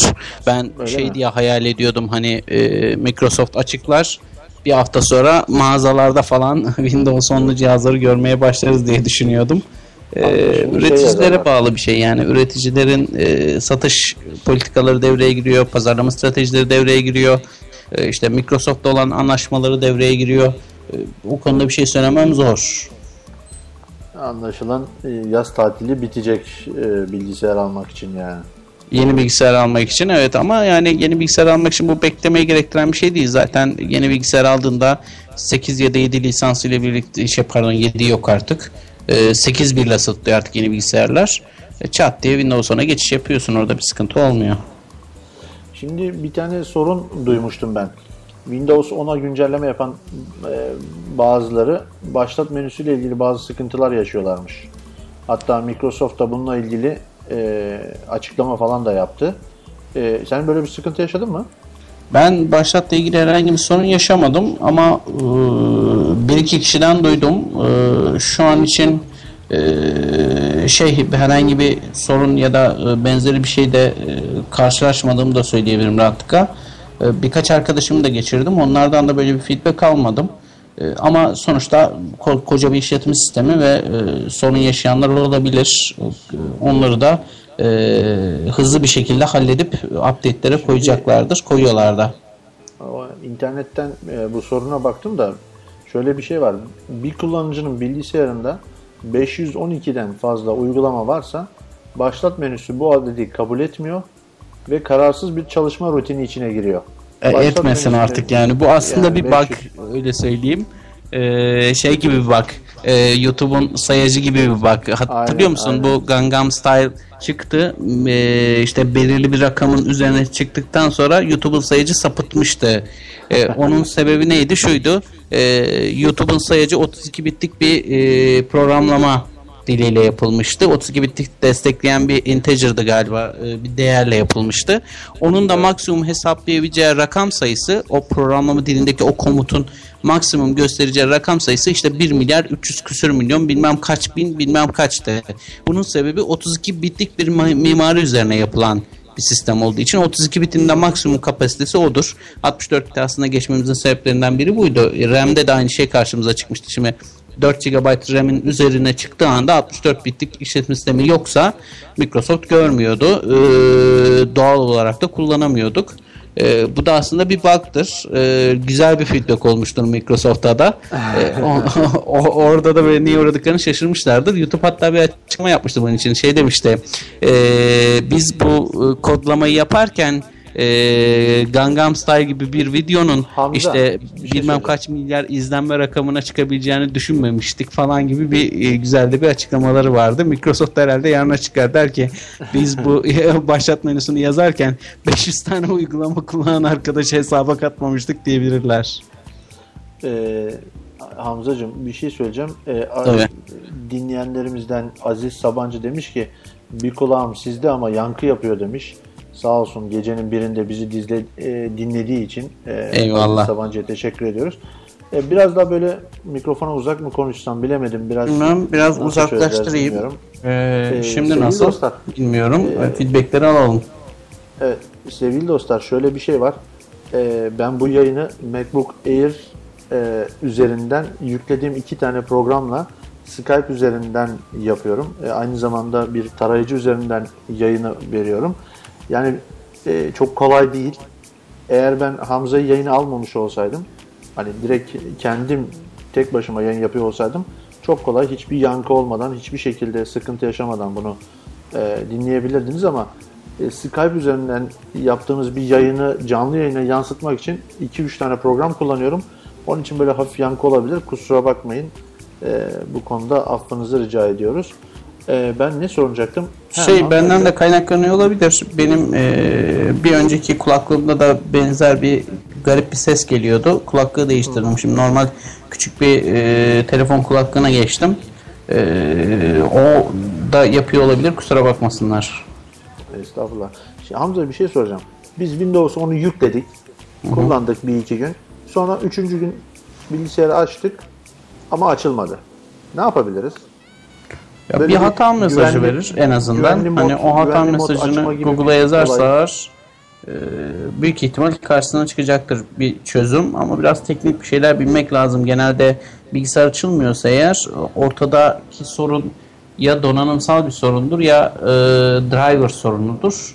E, ya da bilgisayarın boot sek- e, kısmını uçurmuş olabilir.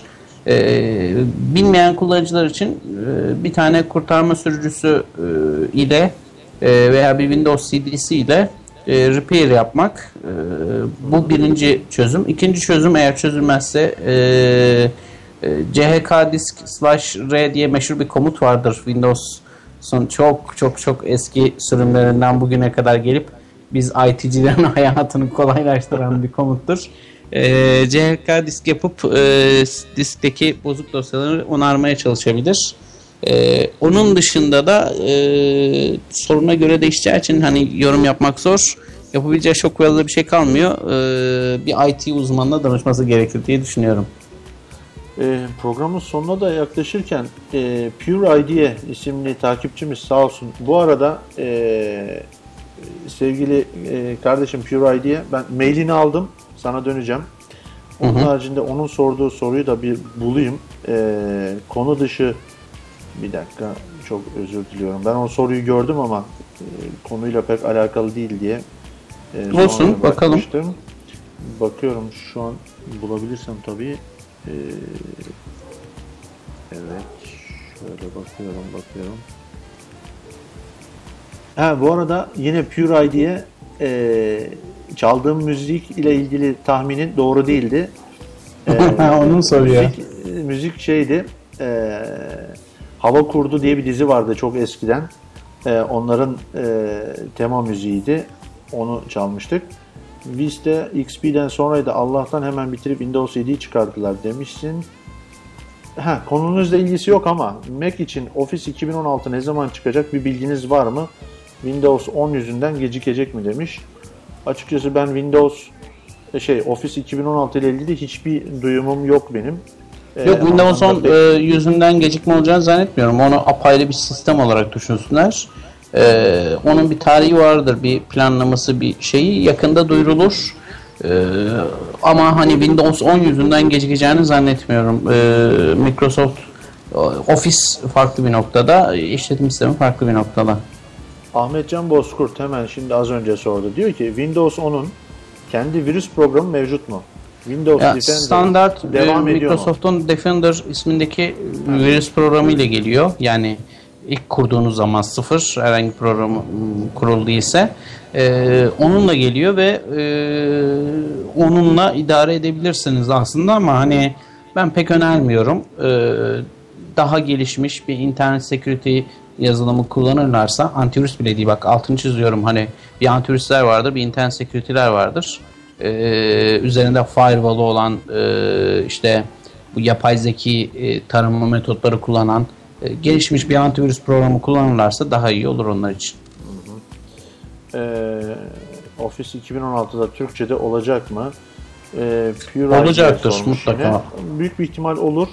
Ee, ama ya ben çok uzun zamandır e, Office 2016'ya daha doğrusu Office programlarına ihtiyaç duymuyorum. Yani bu e, online e, işlem yani nasıl diyeyim Google dokümanlar diyeyim kısaca. Google dokümanları kullanmaya başladığımdan beri e, hiç Office yüklemedim bilgisayarıma. Yani ne kadar zaman diyeyim en az 4 senesi var. 4 senedir hiç Office yüklemedim. Onu da belirtmiş olayım.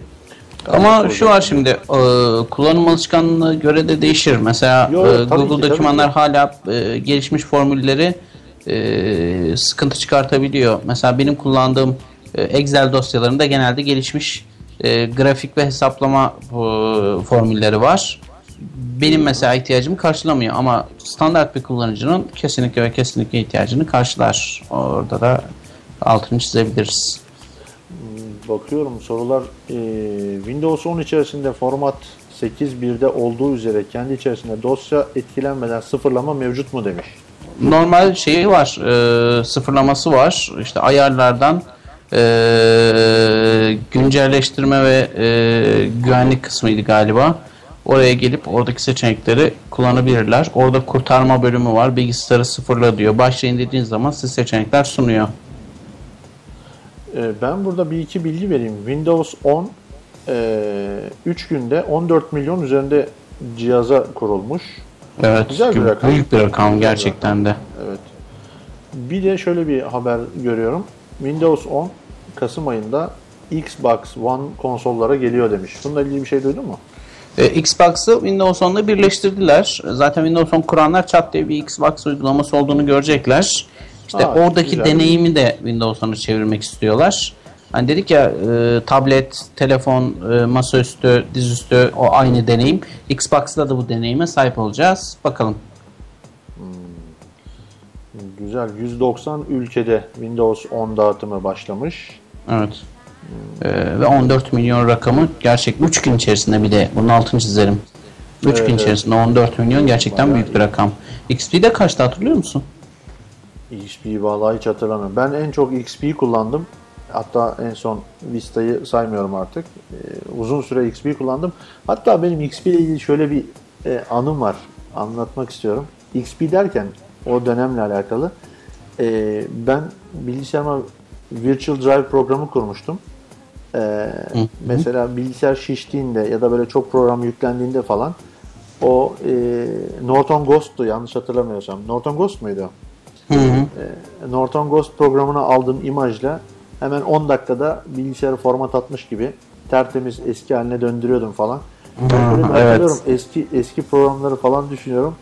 Ee, eskinin sıkı Windows'çularındaydık aslında da sonradan biraz tabii Herkesin yolu bir Windows'tan geçmiştir ya. Evet evet kesinlikle. Ee, evet bakıyorum var mı soru diye.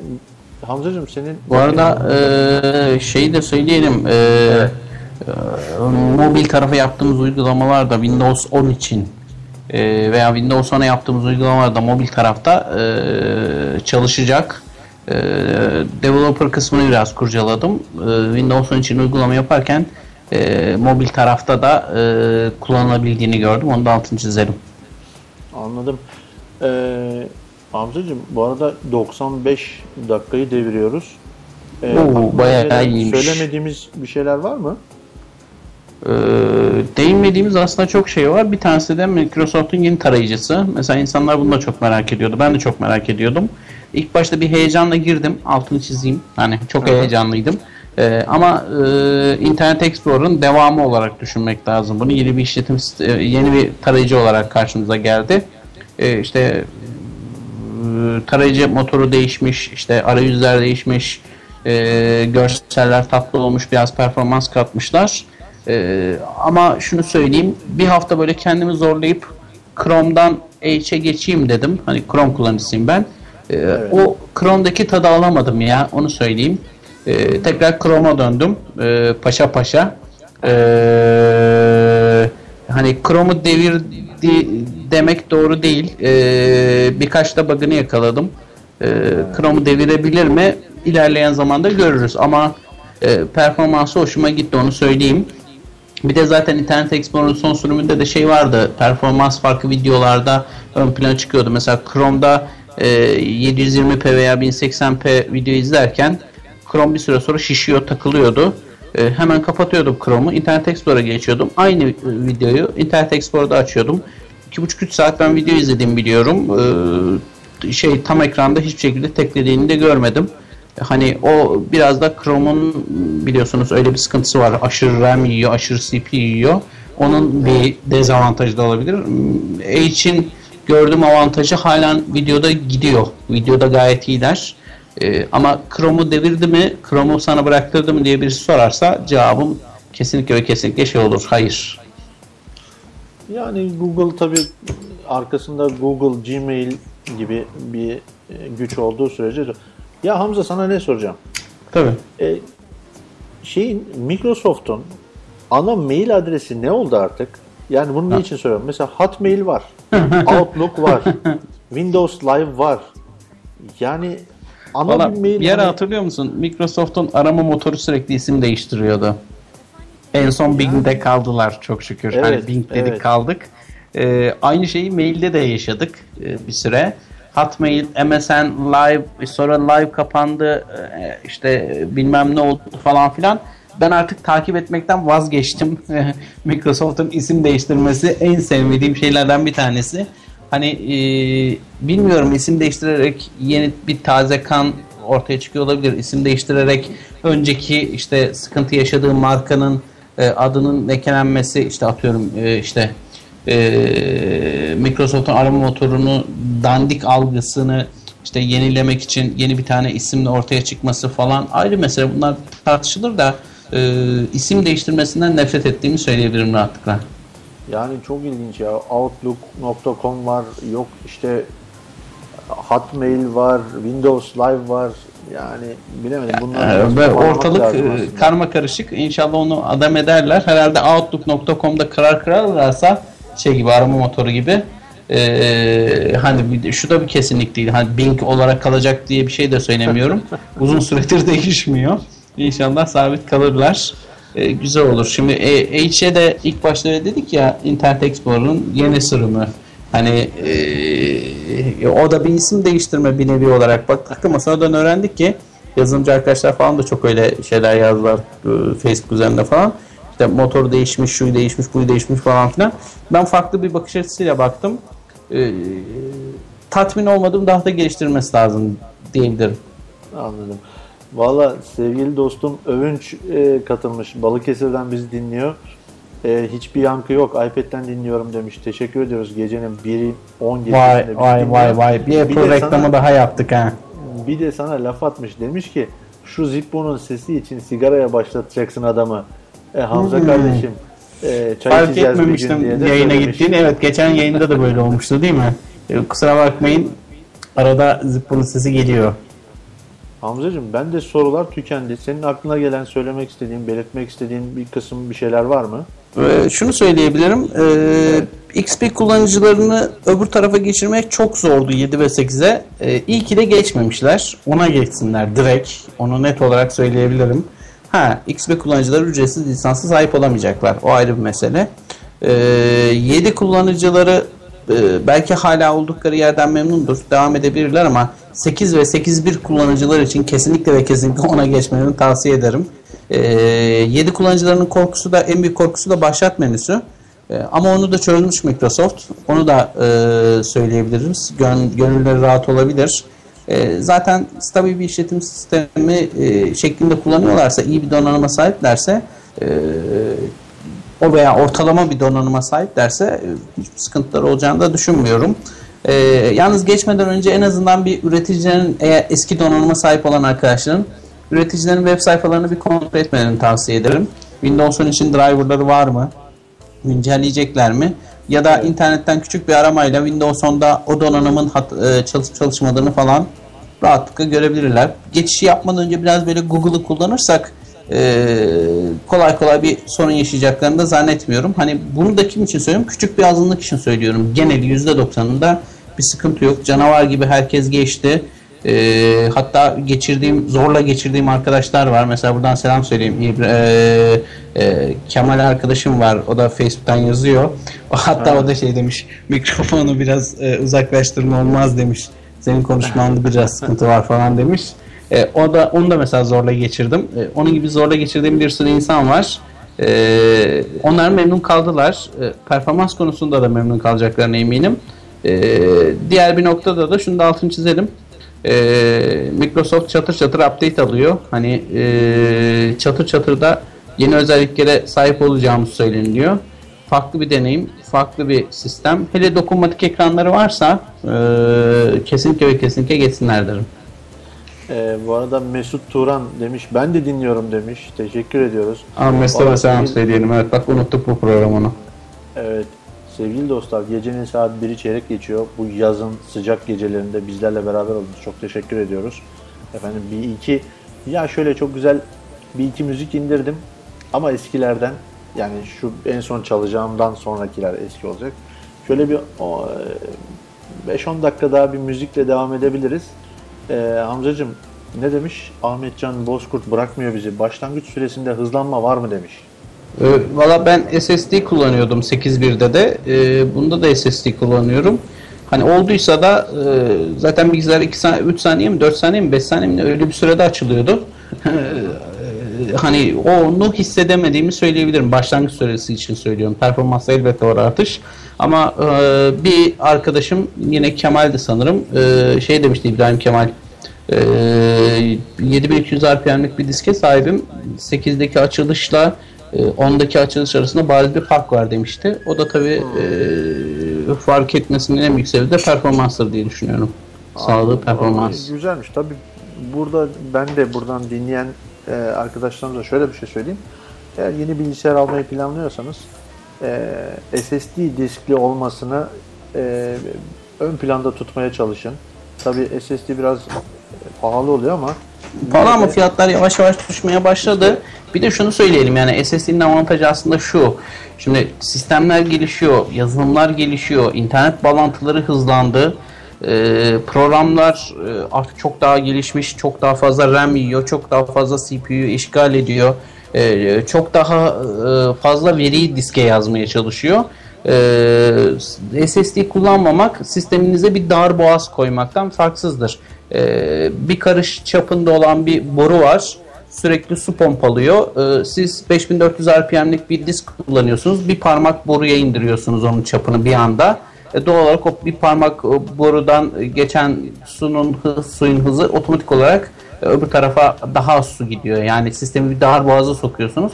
Daha az performans yaşıyorsunuz. SSD'ye geçtikten sonra lan iyi ki SSD'ye geçmişimdir diyeceklerdir. Onu da altını çizelim. E, Sistemleri o dar boğazdan kurtarmak lazım. Arada büyük bariz farklar var. Ben e, 7200 RPM disk kullanırken 60 MB'ın üzerinde kopyalama yaptım. Ne 60'ı yani 40-50 falan gibi dolaşırdı. İyi bir e, 7200 RPM'lik bir diskte. E, şimdi çat diye koyuyorum, çat diye bir taraftan alıyorum. E, bir de USB 3.0 desteği de var artık bilgisayarlarda ama şimdi adam 4- 5400 RPM disk kullanıyor. USB 3.0 bilgisayara sahip. Hani bunun da bir manası kalmıyor. E, disk hızı çok çok önemli bir e, performans farkı. Mutlaka SSD'ye terfi etsinler derim. Valla e, Hamza'dan SSD artı Windows 10 e, patlatın önerisinde aldık. Hamzacığım bir yayının daha sonuna geliyoruz. Çok teşekkür ediyorum değerli bilgilerin için. Windows Eyvallah. 10 ile ilgili enine boyuna hem blog yazında, blog sayfanda birçok yazı yazdım. Hem de burada bizi dinleyenlere açıklamış olduk bazı şeyleri. E, Daha da yazmaya bakalım. devam edeceğim. İşte e, Süper. ben de yeniyim herkes gibi. Yani bir haftalık kullanıcıyım. Bir haftalık kullanıcıdan ancak bu kadar çıkıyor öyle söyleyeyim. Valla sen yani oldukça bilgilenmişsin zaten. Senden beklendiği gibi. Bakalım seninle beraber bir sonraki yayınımız hangi konuda olacak? Hamzacığım tekrar teşekkür ediyorum yayına katıldığın için. Eyvallah ben teşekkür ederim. Görüşmek üzere. Dinleyenlere de selamlar. Teşekkürler. Sevgili dinleyenler çok teşekkür ediyoruz tekrar. Ee, bir müzikle devam edelim. Peş peşe bir iki üç tane daha devam ederiz.